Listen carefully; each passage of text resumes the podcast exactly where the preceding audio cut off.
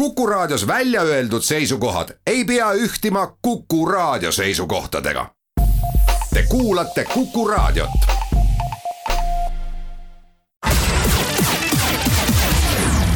nädala Tegija. nädala Tegija saab kõik puiduviimistlusvahendid Osmost. nädala Tegija alustab ja täna meil saates vastavalt nädala kõige kuumematele teemadele tervise- ja tööminister Tanel Kiik, tere päevast! tervist! mina olen saatejuht Meelis Atonen ja räägime siis valdavalt koroona, koroonaga seotud teemadel, kui nii võib öelda. no alustama peab vist koroonavõitluse sellisest natuke negatiivsemast poolest, et tuli info, et teatud hulk koroonavaktsiine, aga ka muid vaktsiine ja muid ravimeid on äh, halvaks läinud, kui noh, lihtsas rahvakeeles võib midagi öelda, et, et äh, süü selles, et äh, et külmkapid või, või siis sellised külmaruumid, kus neid asju hoiustatakse, olid mingil hetkel töö üles ütelnud, kuidas selline asi üldse juhtub? jah, ausalt öeldes see on ka küsimus meie peas, ehk kuidas on võimalik, et neli aastat tagasi spetsiaalselt Terviseametile ehitatud äh, nii-öelda suurtes äh, spetsiaalsetes külmaruumides võib temperatuur äh, noh, tõsi küll, nii-öelda kuumal perioodil, aga siiski tõusta lubatust oluliselt kõrgemale. ehk tavapärane külmaruumi temperatuur, kus erinevaid ravimeid, vaktsiine hoitakse, on pluss kaks kuni pluss kaheksa kraadi, tavapäraselt on ta kuskil kuue kraadi juures ja nüüd tõesti siin eelmisel nädalal temperatuurid tõusid seal kuni pluss viieteistkümneni ja hetkel oleme tõesti uurimas nii Tarbijakaitse ja Tehnilise Järelevalveameti poolt, Ravimiameti poolt kui ka riigisekretäri moodustatud komisjoni kaudu, et mis täpselt juhtus, miks need teavitussüsteemid ei toiminud, kas on probleeme olnud juba algusest peale, ehk kaks tuhat seitseteist aastal mingite seadmete valiku, paigaldusega, läbimõtlemisega või on need hiljem, hiljem tekkinud ja väga paljudele küsimustele tahame ka ise siin vastuseid saada. ma nii palju muidugi täpsustaksin, et ega see tegelikult konkreetne juhtum ei olegi niivõrd seotud koroonaviiruse nii-öelda võitlusega, see on laiem, ehk et Terviseameti laus on väga palju selliseid ravimeid, vaktsiine ja kõige võib-olla ajakriitilisemad neist ongi tegelikult erinevad sellised sünnitusmajades ja mujal kasutatavad vaktsiinid, mille asendamisega hetkel tegeleme. et Covid-19 vastaseid vaktsiine seal oli suurusjärgus kuuskümmend kaheksa tuhat AstraZeneca doosi, mis oli mõeldud annetamiseks kõik muud Covid-19 vastased vaktsiinid on hetkel eh, hulgimüüjast partneri juures spetsiaalselt soetatud eh, külmikutes ja ka terviseasutuste käes. ehk eh, Covid-19 vaktsineerimise tempot see probleem ei puuduta, ei mõjuta, aga loomulikult ta asetub laiemasse konteksti no lihtsalt inimesed on väga ärevuses sellisel hetkel tihti selline, kuidas ma ütlen, kaine mõtlemine või, või faktid ei taha inimese kriitikale või, või noh, soovile kritiseerida alluda, et, et antud juhul võib siis öelda, et meie tänase hetke koroonatõrje sellest juhtumist otseselt tegelikult tempos kaotanud ei ole. Eh,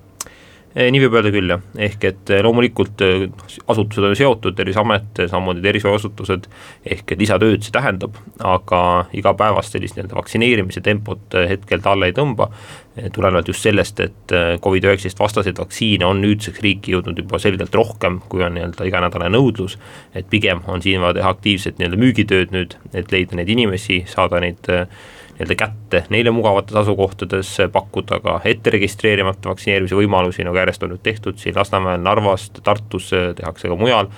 Eh, selleks, et eh, vaktsineerimise tempot eh, taas hoogustada, mis nüüd jaaninädalal väga selgelt langes ja mis kindlasti meid ei rahulda. räägime veel pisut sellest juhtumist, enne kui läheme sellise üldise koroona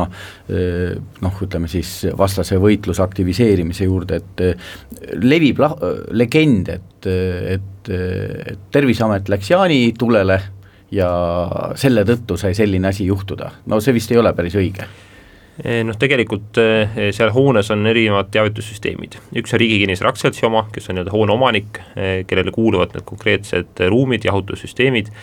kelle seadmed mingil põhjusel ühtegi nii-öelda veateadet, teavitust ei edastanud. kakskümmend neli seitse seda tegelikult jälgitakse, aga mingil põhjusel turvaettevõttele ega Riigi Kinnisvara Aktsiaseltsi nii-öelda hooldajatele need teated ei jõudnud see tuleb ka selgeks teha, et kuidas selline asi üldse võimalik on. teine pool nii-öelda kontrollmehhanismist on siis Terviseameti enda paigaldatud andurid, mis samamoodi kahekümne, ütleme siis esimesest kuni kahekümne viienda juunini ei toiminud, kahekümne viienda juuni õhtul pärast hooldaja käimist nad juba andsid alarmi siis, kui tuli selline võib-olla uus tõrge või uus selline temperatuuri tõus aga RKS-i andurid ei hakanud millegipärast ka siis tööle. ehk äh, selline juhtum oleks võinud toimuda sama hästi ka öösel, oleks võinud toimuda ka nii-öelda pikemal nädalavahetusel, kus seal nii palju ruumides ei liiguta, ehk äh, sattus talve jaanipühade periood, selle võrra tõesti avastati see hiljem, aga arvestades seda, kui karmid on nõuded ravimite säilitamisel, hoidmisel, siis äh, oleks piisanud ka tegelikult lühemast perioodist, et Ravimiamet, ravimitootjad oleks öelnud, et nad ei saa anda garantiid, et need ravimid ja vaktsiinid on lõpuni ohutud ning need tuleks ikkagi nii-öelda maha kanda äh,, asendada. kui suur see kogukahju on ja,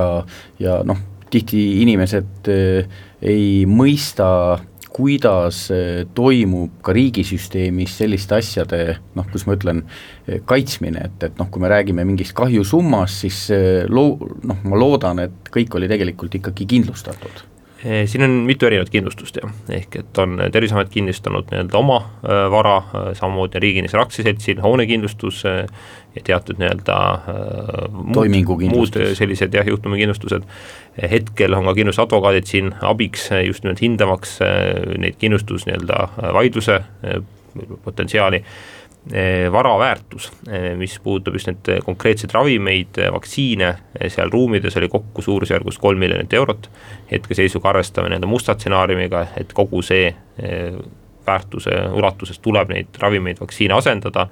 sellega hetkel tegeleme, et on neid, mille puhul on tõesti ajakriitia, nagu viitasin, et sünnitusmajades kasutatavad vaktsiinid, muud sellised kiiresti vajaminevad Eh, aga on ka päris palju selliseid ravimeid, mille asendamine võtab aega, eh, mille asendamine on tegelikult vajalik nii-öelda pikemas plaanis just teatud nende reservide hoidmiseks, mitte igapäevaseks kasutamiseks. ma saan aru, et see hoone, kus see kõik toimus, on tegelikult ju see spetsiaalselt Terviseametile mitte, mitte väga ammu ehitatud maja, et kas on ka ehitaja või noh, ma saan aru, et garantii ehituses kehtib tavaliselt kaks aastat, aga on ka uuritud seda poolt, et noh, et, et kuidas üldse ma ei tea, kas siis ehitusprobleem või, või siis seadmete tarnija probleem, et kuidas see üldse toimib? Tegelikult see on ka üks peamisi põhjuseid, miks ma just nimelt riigisekretäril palusin seda nii-öelda sõltumatult kõrvalt uurida, ehk et eh, kui Terviseamet ise hindab, eh, olemata, omamata ka ehituselist ekspertiisi, pluss olemata ka hoone omanik, eh, siis saame võib-olla ühe tulemuse, kui RKS teeb enda tulemused, enda hindamised, saame teada nii-öelda selle asutuse sisesed mured ja, ja võib-olla noh, nii tegevused kui tegemata jätmised, mis puudutavad nii mõlemat riigiasutust,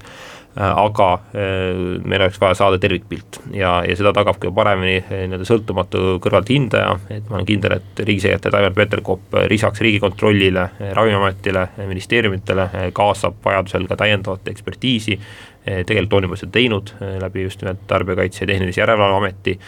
kes taas nii-öelda kõrvalt saab automa-, autonoomselt järelevalvet teha, hinnata nii seda hoonet, hinnata neid jahutussüsteeme, teavitussüsteeme, vaadata peale, mis on olnud see varasem nii-öelda tõrgete ajalugu, eh, mis on need murekohad olnud, kas need seadmed olid üldse mõeldud nii-öelda niivõrd suurte ruumide ja ka selliste kuumuste jaoks, sest noh, hästi ausalt ja otse öeldes, et, et minu jaoks see, see argument, et meil oli kuumalaine, noh tegelikult ei päde, ehk et see ei saa olla tõsiseltvõetav jutt, et, et juunikuu, mis ei ole üldse aasta kõige kuumem kuu, on siis neli aastat vanale hoonele nii-öelda liig ja temperatuur, mis võib olla kuni pluss kaheksa, tõuseb pluss viieteistkümneni, et noh, et see ei ole mõeldav, et me te-, ehitame, ehitame hoone eraldi Terviseametile, kus me mõtleme, et et äkki, äkki tulevad külmad, külmad suved või et noh, see, see see on jabur. no iseenesest selle jutu juurde võib ju öelda, et firma, kes ilmselt neid seadmeid tarnis, ta ei tarni ainult Eestisse, näiteks kui ta tarnib Hispaaniasse või näiteks Itaaliasse, noh seal on see meie mõistes kuum kuum suvi on seal permanentne olek ja no ei, vaevalt need masinad seal peaksid siis tõrkuma. ja nagu viitasin, ega juunikuu ei ole ka üldse aasta suurim, soojem kuu, ehk et tegelikkuses selliste kolmkümmend pluss, väga võimalik, et ka enam temperatuuridega peavad olema need ju infosüsteemid arvestanud, mis on tegelikult Terviseameti nii-öelda katusel, ehk et ka selline võib-olla inimene esimese hooga mõtleb, et see jahutussüsteem paikneb seal ruumis endas ja tegelikult ta on läbi katuse ventileeritud. Ja, ja katusel see temperatuur on veelgi kõrgem, ehk otsese päikse käes erinevate pindade koos toimelda võis ulatuda seal nelja-viiekümne või enama kraadini, aga seda kõike nüüd tulebki hinnata ekspertidel, kelle hulka nii-öelda mina ennast selles küsimuses ei liigita. mis tähtaeg on pandud, et no avalikkus praegu levib igasuguseid kuulujutte, levib arvamusi, kriitikat, aga et mis kuupäevaks te loodate, et see eh, komisjon noh, piltlikult öeldes töö lõpetab, et, et saaks avalikkus teada, mis tegelikult juhtus? No esmaseid nii-öelda hindamisi on juba teinud, Ravimiamet käis eile kohal, ma tean, et täna on selle komisjoni esimene nii-öelda ühine eh, koosolek. Ehm, aga on öeldud ka seda, et kui tahta sellist põhjalikku nii-öelda lõppraportit just nimelt nende ruumide kohta, eh, jahutussüsteemide kohta, siis siin võib olla augusti keskpaik alles see tähtaeg aga kindlasti enne tuleb nii-öelda vaheinfot, vaheülevaateid nii valitsusele kui ka avalikkusele, sest arusaadavalt see küsimus pakub inimestel huvi ja, ja meil tuleb neid vastuseid anda. kogu seda protsessi võimalikult läbipaistvalt teha,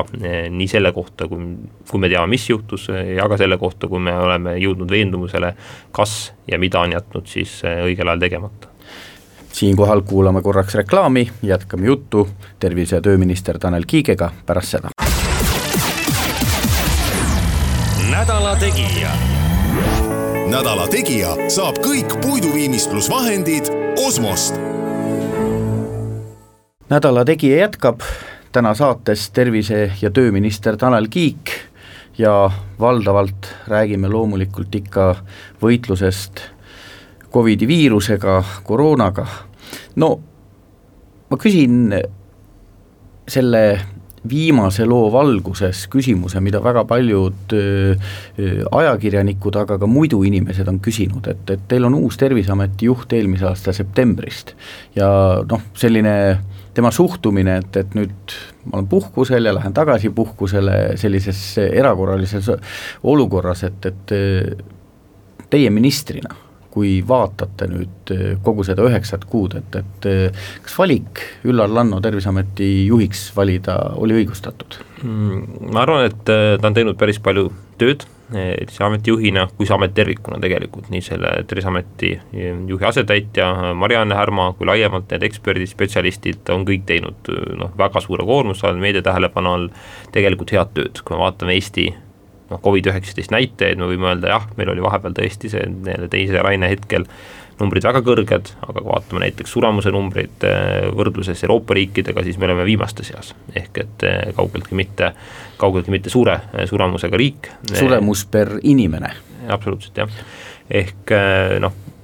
tagantpoolt vist olime viiendad, kui ma peast õigesti ütlen, ehk et mõned üksikud riigid on saanud nende väiksemate kahjudega välja, samal ajal meil ka majanduslikus mõttes on ju tegelikult olnud pigem avatud ühiskond ja avatud elu ja see on loomulikult olnud kogu eh, tervisevaldkonna teene, kindlasti ka Eesti elanike, ettevõtjate teene,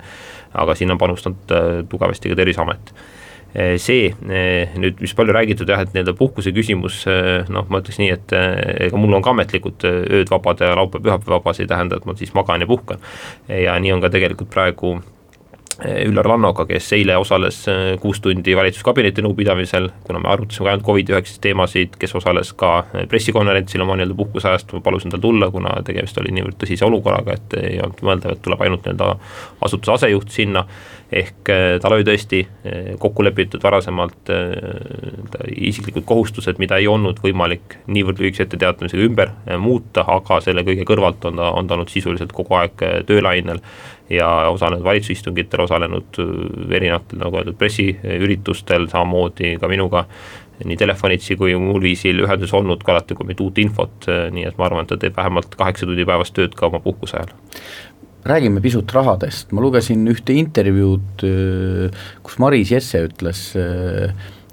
see, see, see käis küll, kui ma nüüd õigesti aru sain, aga et see käis küll nüüd pisut varasema aja kohta, aasta tagasi, ja, ja see mõte oli, et ega meil ei olnud piisavalt kõiki vahendeid, et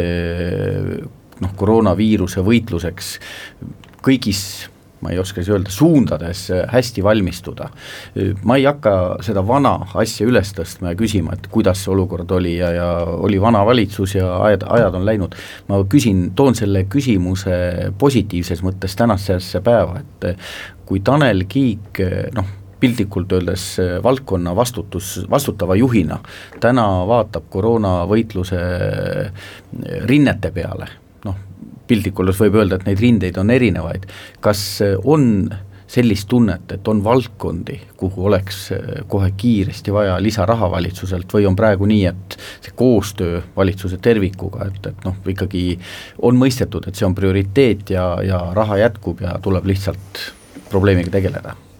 Ma ütleksin, nii eelmine kui praegune valitsus on sellest väga hästi aru saanud, et Covid-19 vastane võitlus on noh, kogu riigi väljakutse. Ja, ja siin on tehtud ju vajalikke rahaeraldisi nii Haigekassale, Terviseametile, erinevatele terviseasutustele nii eh, valitsuse reservist kui ka siis mõlemal aastal lisaeelarvega eh, nende kriisiga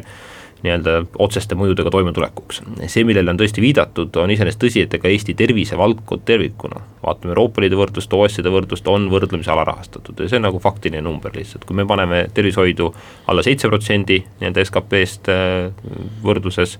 keskmise Euroopa Liidu riigiga, mis paneb umbes kümme, siis on väga nii-öelda palju loota, et selle seitse protsendi eest me saaksime rohkem, kui näiteks põhjanaabrid saavad kümne protsendi eest. olukorras, kus selle seitse protsendi sees on tegelikult ka inimeste omaosalus, mis on ka märkimisväärselt kõrge. inimestel veel võrdluseks, et skp ei pruugi kõigil peas olla, siis üks protsent SKP-st tähendab täna hindades kuskil kakssada viiskümmend kuni kolmsada miljonit eurot, sõltuvalt aastast. ehk et eh, see paari-kolmeprotsendine vahe tähendab enam kui poole eh, miljardit eurot, mis on noh, ülisuur summa, mis loomulikult tugevdaks oluliselt tervishoiuvaldkonda, aga mis eeldab ka, eh, on ta siis maksu ülevaatamisi või eeldab ta riigieelarve prioriteetide ringi sättimist, mis ei ole selline nii-öelda raha, mida, mida väga kergekäeliselt oleks ka kriisi ajal võimalik ringi jaotada ja tervise valdkonna üks eripära kindlasti on ka see, et väljaõpe siin valdkonnas on päris pikk, ehk et kui me räägime nii-öelda arstist, siis üldarsti nii-öelda paberid omandav inimene kuue aastaga, sellele järgneb kolme kuni viieaastane residentuur, ehk et see räägime kümneaastasest tsüklist tegelikult, enne kui inimene saab eriarsti nii-öelda äh, tunnustuse. Ja samamoodi äh, ka see õdede väljaõpe on ikkagi aastaid kestev protsess, äh, muude tervishoiutöötajate oma niisamuti, ehk et see pandeemia, mis on kestnud poolteist aastat, et selle aja jooksul pole olnud võimalik meil ju kuskilt tervishoiutöötajaid kui kõige nii-öelda kriitiliselt ressurssi juurde saada, et pigem me oleme seda ringi jaotanud, koormust pidanud ka plaanilist ravi siin piirama, vähendama, nii erasektori kui riigiasutuste nii-öelda head koostööd tegema, aga pikemas plaanis tervishoiuvaldkond äh, vajab tugevdamist, sest sellised pandeemiad, sellised tervishoiukriisid äh, võivad meid tabada ka tulevikus, ütleme nii, et ülisuure tõenäosusega tabavad ja võib ka juhtuda see, mida seekord ei ole juhtunud, et tuleb korraga mitu erinevat kriisi, et seda ka mäletan hästi, kui noh, Tallinna kiirabigi ütles kriisi harjal väga selgelt, et jah, praegu me oleme brigaade suurendanud, me jõuame ära teenindada kriitilist väljakutset, aga kui nüüd juhtuks mingi õnnetus, juhtuks veel midagi suurt, mis vajaks eritähelepanu, siis seda ressurssi pole küll kuskilt võtta, sest ega ka kiirabitöötajad, kiirabibrigaadid ei ole selline asi, mida sa nii-öelda nipsust saad äh, kahekordistada. Küsin veel sellest samast äh, Maris Esse intervjuust ajendatuna, ta ütles, et äh, tema ei saa öö, ma ei tea, siis koroonavõitluse koordinaatorit Marek Seeri eh, juhtida, et, et ei tahagi teada, et kes, kes kellele peab korraldusi andma, aga kuidas see juhtimisstruktuur tänasel hetkel välja näeb? Näeb väga selge välja, ehk et meil on äh, kaks erinevat töörühma, üks on vaktsineerimise strateegia töörühm, mida juhib Maris Jesse, mis on tõesti pikaajalise vaatega, mis uuendab erinevaid dokumente, äh, vaatab nii-öelda Euroopa Liidu ühishankeid, äh, vaatab erinevaid riiklikke soovitusi, millistele vanuserühmadele, milliseid ravimeid pakkuda, mis peaks olema vaktsiinide intervall ja kõik muu selline, võib öelda nii-öelda teoreetiline pool, pikaajalise vaate pool. ja on vaktsineerimise korralduse töörühm, mida juhib äh, Marek Seer, äh, kuhu kuuluvad siis erinevate terviseasutuste esindajad nii haiglate poole pealt, äh, Terviseamet, Haigekassa, Ravimiamet, samamoodi perearstide seltsi esindajad ja kes tegeleb igapäevase nii-öelda vaktsineerimise reaalse korraldamisega, eeskätt just nimelt nüüd suve vaates nii-öelda laiema elanikkonna hõlmatuse tõstmisega ehk äh, nende roll ja, ja kohustus on äh, tagada, et riiki jõudvad vaktsiinid võimalikult kiiresti ära kasutataks, et äh, vaktsineerimise võimalus oleks inimestele kättesaadav, vajalikud kampaaniategevused oleks tehtud ja seda tööd igapäevaselt ka tehakse, et praegu suvel on tõesti toimunud selline ajutine loodetavasti langus, töötame selle nimel, et seda tempot taas tõsta, kindlasti see eelmine nädal, mis oli jaanipühade periood, ei iseloomusta nüüd tervikuna suve, see nädal tulevad juba suuremad numbrid ja loodan näha tõusu ka edaspidi. Siinkohal kuulame reklaami ja uudiseid, jätkame juttu tervise- ja tööminister Tanel Kiigega juba pärast seda. Nädala Tegija. nädala Tegija saab kõik puiduviimistlusvahendid Osmost. nädala Tegija jätkab, räägime koroonavastasest võitlusest ja saates külas tervise- ja tööminister Tanel Kiik, mina olen Meelis Atonen, te ise juba ka jutus äh, rääkides äh, Marek Seeri koord-, ko-, koroona koordinaatori tööülesannetest rääkisite, et tema töö on koordi-, koordineerida või juhtida igapäevast tegevust, kui nüüd vaadata, et noh, jaanipäeva ajal oli väike langus, aga et millest meil, kuidas ma nüüd ütlen, rohkem puudu on, et meil hetkel vist vaktsiine jagub, aga pigem on puudu see, et inimesed on kuidagi suve puhkuse ja, ja ilmselt ka sooja ilma ja mis seal salata, ka selle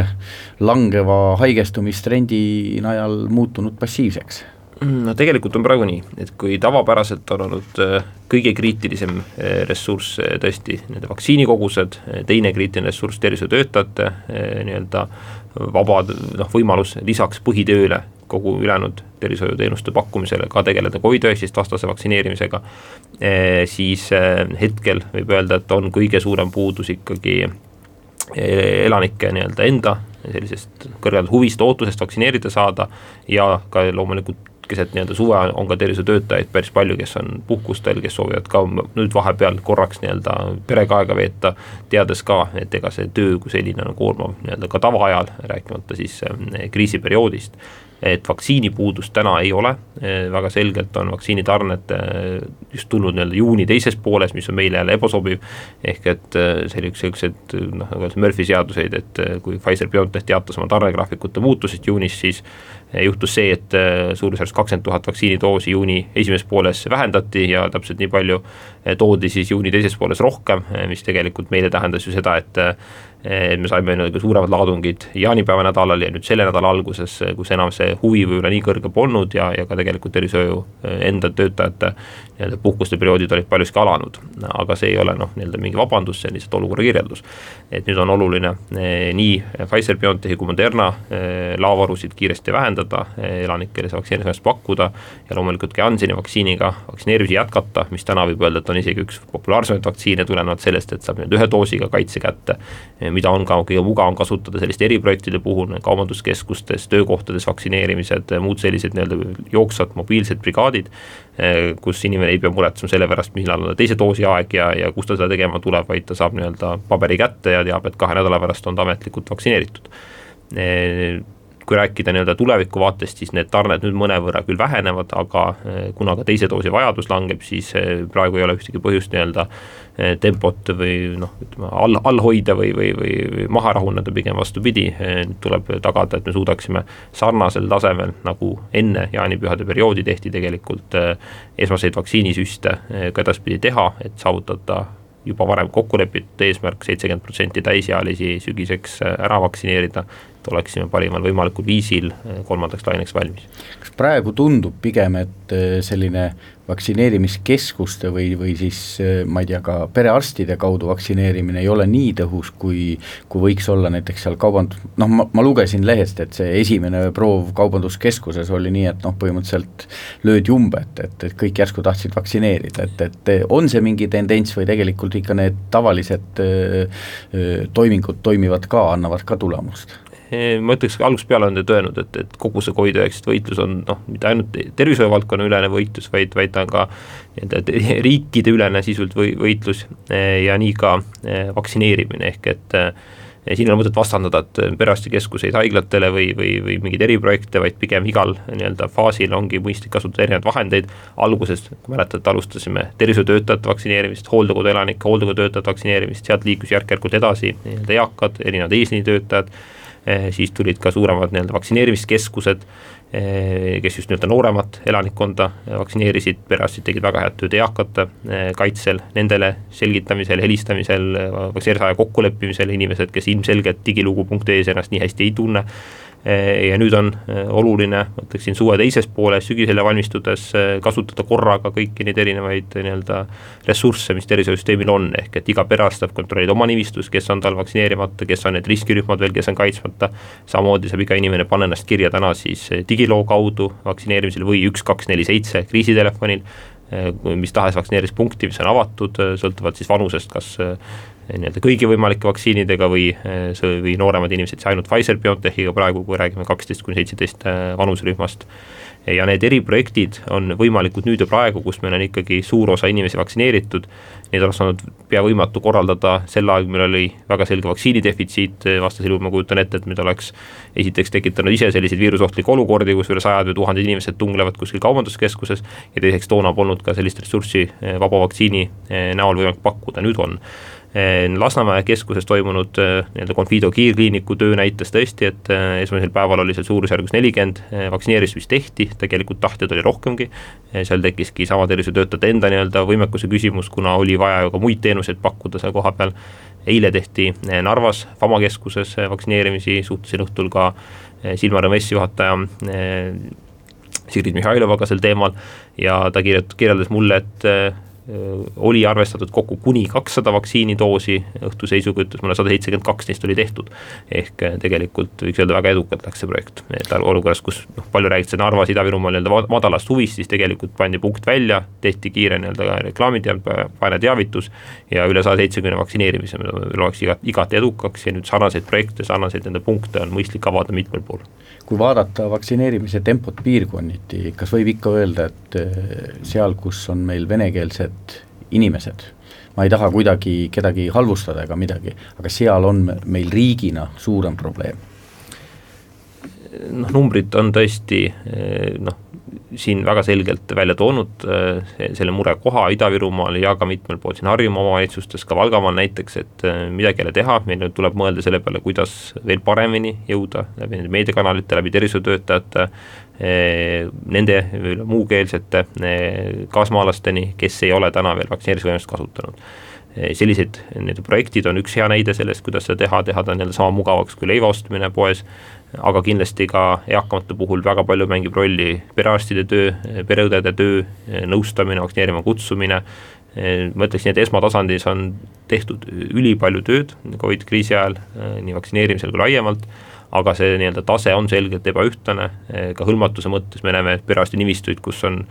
noh, ütleme, pole ühtegi, võimalik ühtegi etteheidet teha, kus me näeme, et inimene, perearst ja pereõdede meeskond on pingutanud nii, et saada kõik need eakad kätte, riskirühmad kätte ja tegeleb veel ka nooremate vaktsineerimisega. ja neid, kus on ka täna veel eakaid, kes ütlevad, mulle pole kunagi esmatasandilt helistatud, et ainult riigi meediakanalite kaudu kuulen, aga, aga ma ei taha minna kuskile suurde keskusse, ma ootan seda kõnet. ehk et nüüd tuleb tagada, et ka need inimesed need vajalikud kõned saaksid ja, ja vaktsineerima kutsutakse, et eeskätt on see probleem tõesti olnud seotud Ida-Virumaaga Eh, kus eh, ka eile, nüüd juba üleeile siis eh, Narva haigla juht väga selgelt välja tõi, et, et ka nende juurde pöördub inimesi, kes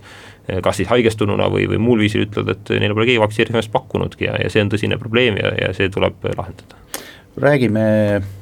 Tallinkist korra, et Paavo Nõgene, Tallinki juht, kurtis vahepeal, et meie siin tahame riiki aidata, riik ikka ei tulnud vastu, ma ei mäleta tol hetkel, kas oli vaktsiine veel vähe, olete te no Paavo Nõgen on üldiselt mõistlik mees, mulle tundub, et ta tahab Eesti riiki aidata ja, ja noh, mõnikord tahab Eesti riigilt abi ka, aga, aga see ongi selline vastandikku nagu mõistlik, mõistlik ja kasulik tegevus, et olete saanud temaga rääkida, et, et on nüüd see võimalus öö, olemas, mida Tallink tahtis pakkuda? oleme korduvalt suhelnud, toona see Tallinki projekt Eh, ma arvan, et see oli hea mõte eh, ja see oli ka hea teostus eh, selles vaates, mida Confido ühe päevaga suutis teha.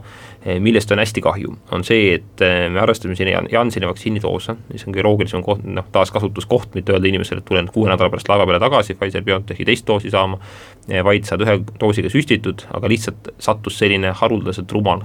olukord, kus kaks nädalat järjest Jansseni tarneid lihtsalt ei tulnud füüsiliselt Eesti riiki, tuli kolmandal nädalal, see suurusjärk oli vist kaksteist tuhat ja siis me vaktsiinidoose sellega eraldasime kohe järgmisel päeval pärast seda tarnet, seda vaktsineerimist ka alustati, aga arusaadavalt siis jõutigi teha see konkreetne päev erinevatel mitmel reisil, oleks tulnud vaktsiinitarnet paar nädalat varem, siis ma usun, et see kogus, mida oleks jõudnud Confido ära teha seal laeva peal, laevatee peal täpsemalt, oleks olnud märkimisväärselt kõrgem. et praegu olen palunud ka eh, vaktsineerimise töörühma juhil Marek Seeril leida sinna täiendavaid teenusepakkujaid, mis nagu öeldud, suveperioodil ei ole nii lihtne, aga ma arvan, et see on hea mõte pakkuda ka seal nii-öelda laiemalt eh, vaktsineerimise võimalust olukorras, kus Eh, nii suvel kui ka kindlasti sügisel seda liikumist jätkuvalt eh, Eesti ja Soome vahel on palju ja selline nakkusohutuse tagamine on mõlema riigi huvi. siinkohal kuulame reklaami, juttu tervise- ja tööminister Tanel Kiigega jätkame juba pärast seda nädala Tegija.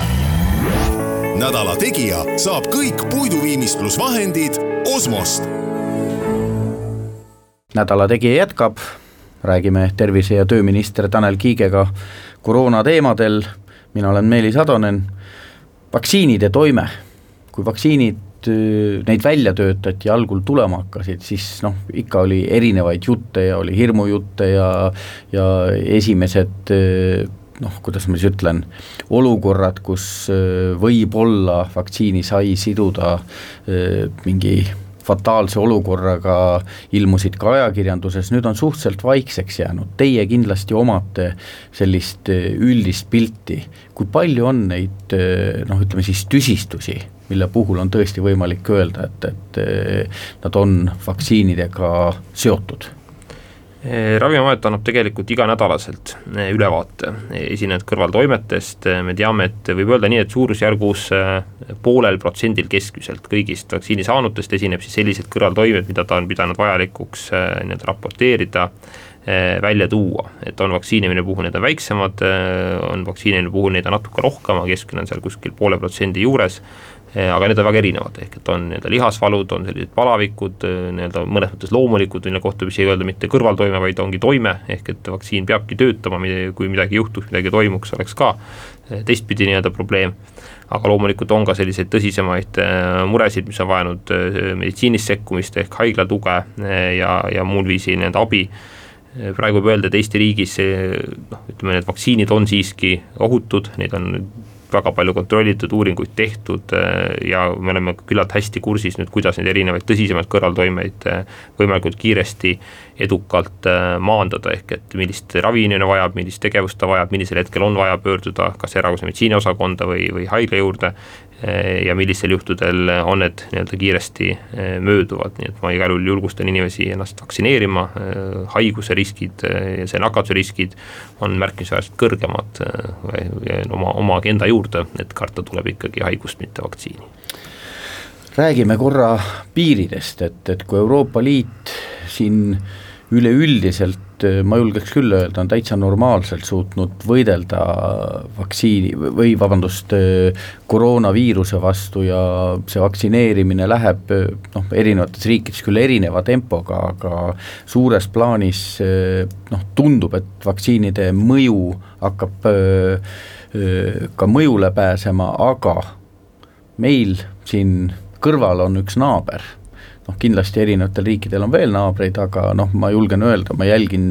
eh, ise igapäevaselt eh, Vene uudiskanaleid ja noh, sellisest keelelisest huvist ja, ja pisut ka vaadata, millest me kunagi pääsesime, et et no mulle tundub, et seal riigis seda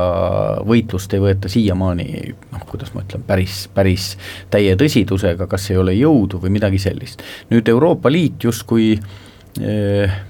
noh, kuidas ma ütlen, võttis üldised piirangud kolmandatelt riikidelt maha ja me jäime mingil hetkel sellisesse olukorda, kus Venemaalt sai suhteliselt vabalt Eestisse tulla ja noh, tegelikult mitte Eestisse, vaid Euroopa Liitu tulla ja no minu arust kõige traagilisem näide, kui, kui siin öelda, on, oli Soome, kes piiras ühe käega